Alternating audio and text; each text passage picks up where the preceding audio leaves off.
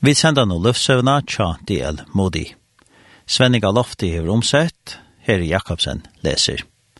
Hette er femte pastor.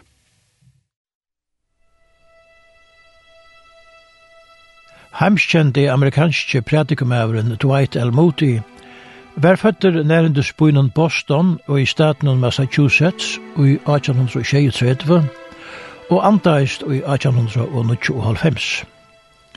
Til samanberingar skal sigast at Moti livde samstunde som skåten William Gibson Sloan, som var fødder i 1838 og som prædika i evangeliet i fyrjun. Havast Dwight L. Moody andaist einans 22 år gammal, hei han prædika fyrir mannfjöldun og i taldu meir enn 100 millioner, nekv meira enn nekar annar ta adøvun. Hesen vi er kjente og virte evangelium bopere, bæra en loande andans eld og i barme søgnen, etter at leie menneskje til Kristus, etter at han nøytjan er gammal var omvendur.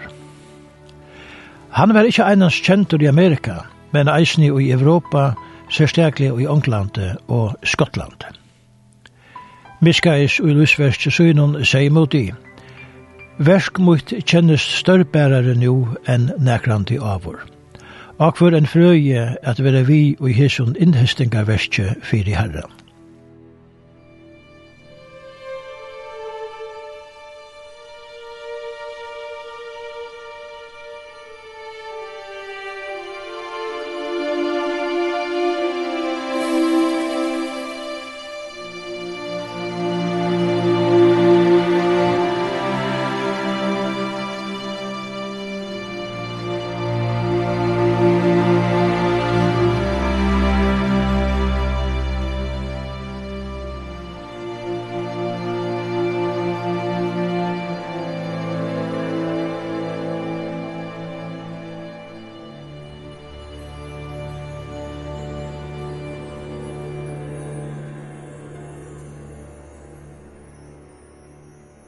Og i parstenen fra man undan var krætt fra at D.L. Modi flottet til byen Chicago i staten Illinois. Her han får at arbeid i en handle og kom her i samband vid tryggvande folk. En andalig vetsing var byrja og D.L. Modi får vi loivesal inn i andalige arbeid. Eit ølstovehøle var ombrøtt til ein møtesal. Her var det at D.L. Modi fyrst og fyrir byrja i at tala. Ongen gruna i ta at hesen unge mevren setne for at gerast ein av hemsens største evangelisten. Femte pastor, sundagsskolalærare. Troblasta avgjeren jeg hava tidsi løyven og vær, ta jeg måtte sige handelsløyven og farvel, sier del mot i annafer. Sundagsskola arbeid jo alt, og i tebar visser, Fara i korsen ikkje moti at utena sitt daglige arbeid. Sætne fikk han tvei arbeidstør vi gåvar løn. Og fram vei strempa i han etter at gjerra så ryker. Men så hendte nekka som gjørte at han halga i løs og til kristelig arbeid. Men ikkje fyrir enn han er strust hvis seg sjolvan i trutjar mannager, sleppte han sin ekne atlanen vid øvnum. Måte sier sjálfur at søgjane omvendingardagen i handlen om tja mammabadjan hon i Boston kjente hans knyttan at herran. Men, og i mange år helt han at han ikkje var føre fyrir vittne om Jesus. Ta i han hina fyrir leia i fyra stålar i møtesalen og fekk ungar menn av gøtene og inna møte, hugsi han ikkje om at han sjálfur var føre fyrir jeg tala vittar om saltarra, tog han helt at samkommeleierne dotu betur enn han. Ta han byrja i sitt sundarskullaversk, hugsa i han atla tøyina at her som hei størsta tøytningen var hvordan man kom. Men ta i færri enn tusen kom var han harmur, men ta i tale var om 1200 til 1500 glettestan. Han visste då ikkje nekko om av öllna vissne bøtten var kom til tryggva Jesus. Men så let god ei jo hans herra opp.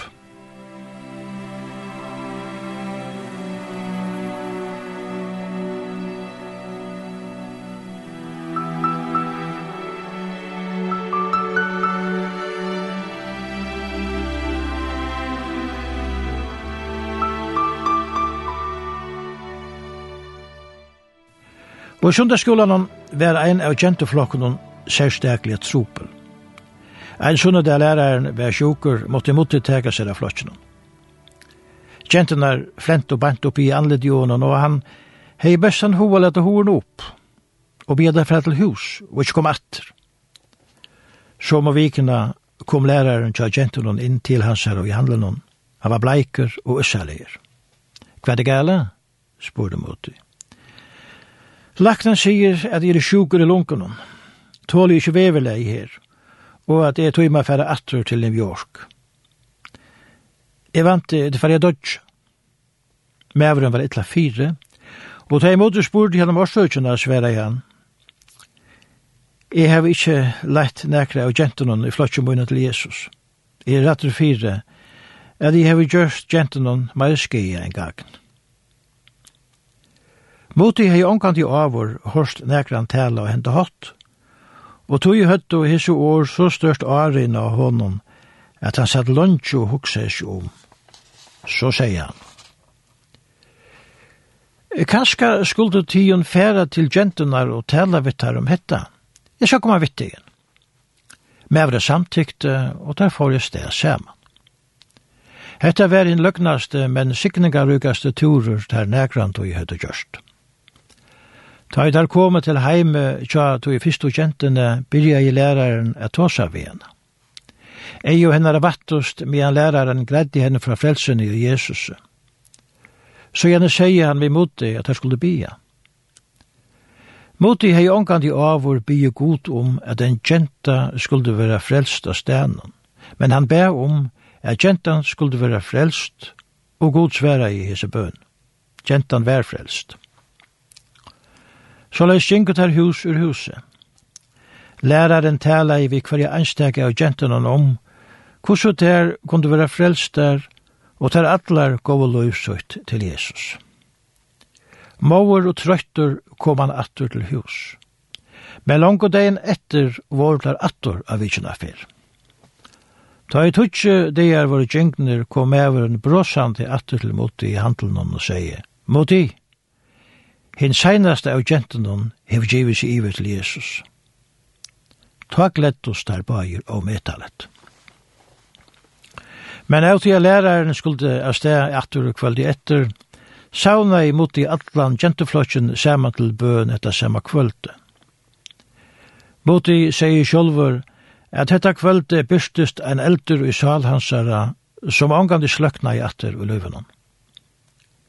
Fram til hesa stund Hei største innskje hans er veri at gerast handelsmæver. Men hei han vite av at brennande handelsinnskje hans er for at vera blåst ut i tåmanne heim og hesson bønamøten hon, hei han neivan vera færen. Men alt lus og takka imot i gode fyrir hetta bønamøte. Sjúkje, sundagsskolalæraren, læraren sæt mitt i mittlen allar hissar nøy flest og jentenar. Te sjunga en sank, og så gjerne løtte til seg ødla knæa bia. Moti var og i fer vi er reisa seg, ta jeg eina kjenten for a bia fyrir sjuka lærare synen. Så bo til atlar kvør etter æra. Ta i moti for til hus takk kvölde, sier han, og god, let meg heldur dodja enn at jeg skal missa ta sikning og jeg fekk i kvöld. Morgen etter får han av jadnbredda støyna, er sier sjuka sundagsskola lærere sin farvel. Stutt var en tåkje får, kom ein av sundagsskola gentenen, og så han kom til atler kvør etter æra, utan at vita av hver æra. Hetta gjørdes den underfull løta. Ter rønt var synsja, men rødden sveik, sveik ter, så kjenslebarna var ter. Det seneste at han så til lærere at han vær, at han rette opp håndsynet mot i himne, for det gjør til kjenner at ei ødel hittast atter i himmelen.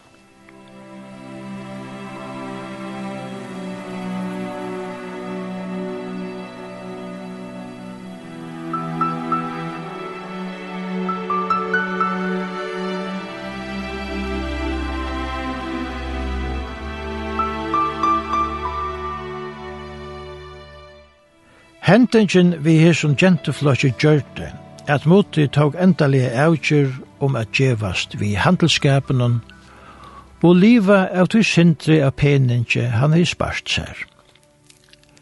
Han tog eisen til avgjør, at om god signa i han og gav honom til og gjennom tørveie, får han at teka til som er tekjen fra gode om at halda fram og i andaljon heiltøyarverskjøp. Fyrir at nøyta minst møvlet av peninge, sier han opp her, her han boer. Han svev i en høl i her mennplatt vi har savnet til bøn, og måltøyner at han av medståen her mæteren kostet i løyte. Og i hesen døvun levde han og en hott som kunne gjøre enda av en vanlig sunnon menneske. Nå kunne han nøyta atlasuna tog at vi ikke heimene ikke som det skulle bøtten. Men hovast han i mongon heimon fikk ringa måttøke, var det ta mong bøtten vunnen for Jesus og hente hatt. Eisene og hesne verskje breit han vanlige sier og venar via tås over bøtten som han hitt i og spurte om det gingo sundagsskola. Et høy han fikk vita at det ikke gingo i sundagsskola, det han bøttene sier seg hver det boer så han kunde ta seg av foreldrene om att leta de komma i sundagsskolen jag ser. Han var nekv årekvaver i sundagsskolasøyn. Nekre bastali dranger og i vore ur katolskun heimann gjør det til der kunde for et årekva. Onkel du tveitet der steinar brodde rutar i skolastån. Moti får tog til katolska bispen, Men det var ikke lett å komme til vi en slukka mann. Gentan som lett opp sier at bisperen hei nekva gjerra, og det var ikke visst at han tog imot vitja. Jeg atle meg å boja til han livor, om jeg så skal boja atlantegien, sier Moti.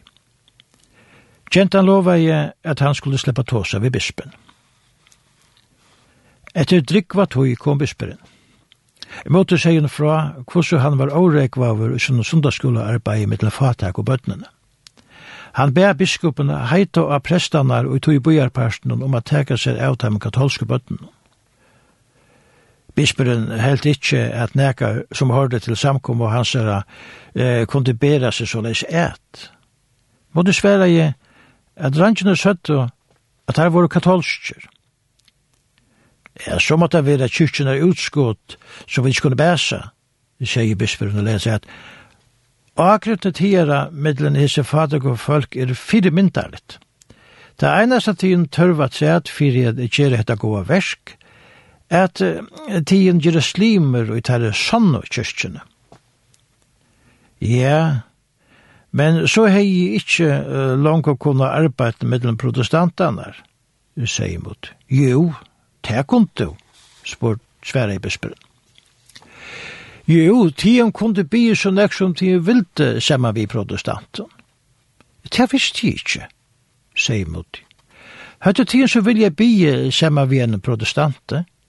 Ja, det er alt jeg, Sverre i bisperen. Så ønsker jeg at tiden blir jeg fire mer nå, at jeg kan være lett og rattan ved og gi jesun mal, sier Mutti, og leie seg knæ og i doren noen, her der du steg og tåsa. Begge bisperen og mot i bo. Usle det er vise vikjent vær, at bestagjerne og det sundagsskolen held jo pæt. Ein annar henting fra hese tøyene er vuste er god nærm gjørstene. Eit kvöld imot var det vi heim av en møte, så han en mann standa og hadla seg at en ljøster. Han fall iv til mannen, leie hånden av herrar hans og spurte, er tiden sekvante? Mævre var i øyen, rette nevane på loft, en så gjør jeg seg klaran til bærtid. Er det sér hermer om at jeg var overrekva tiden, du sier mot. Takk tæra til den egna arbeid, sverre jeg mævren. Hette er mot arbeid, sier mot det stedelslige og får. Trudjar manna er etter hetta benka i onkla dittna kjem mot. Hvor er det her? Spore mot. Ein fremmand rødt sverre i atter og modig spørte, hva vil jeg til igjen? Jeg vil være frelster, vær svær. Moder lette horn opp. Hetta vær med ævren som var så ytler, ta han stå og tå seg ved en under ljósasteiren hitt kvöld. Årsaka er at eh, årek ved tiden, men jeg har ikke haft fri av meg siden hitt kvalt. Jeg har hørt årtida fire mer atla tøyna, og det var gjørst at jeg kan fri har vi haft av meg. Jeg kunde altså ikke sove nått og hugsa jeg at jeg kanskje kunne få til en bia fyrir mer. Så med løte tok meveren mot Jesus i trygg, og gjør det skjøtt en ugen verska maver i sundagsskolen.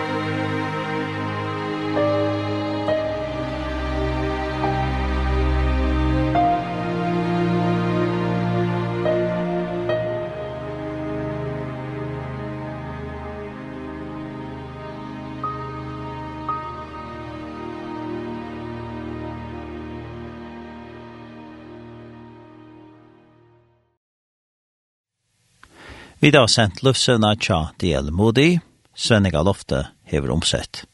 Her er Jakobsen, les. Hetta var femte pastor.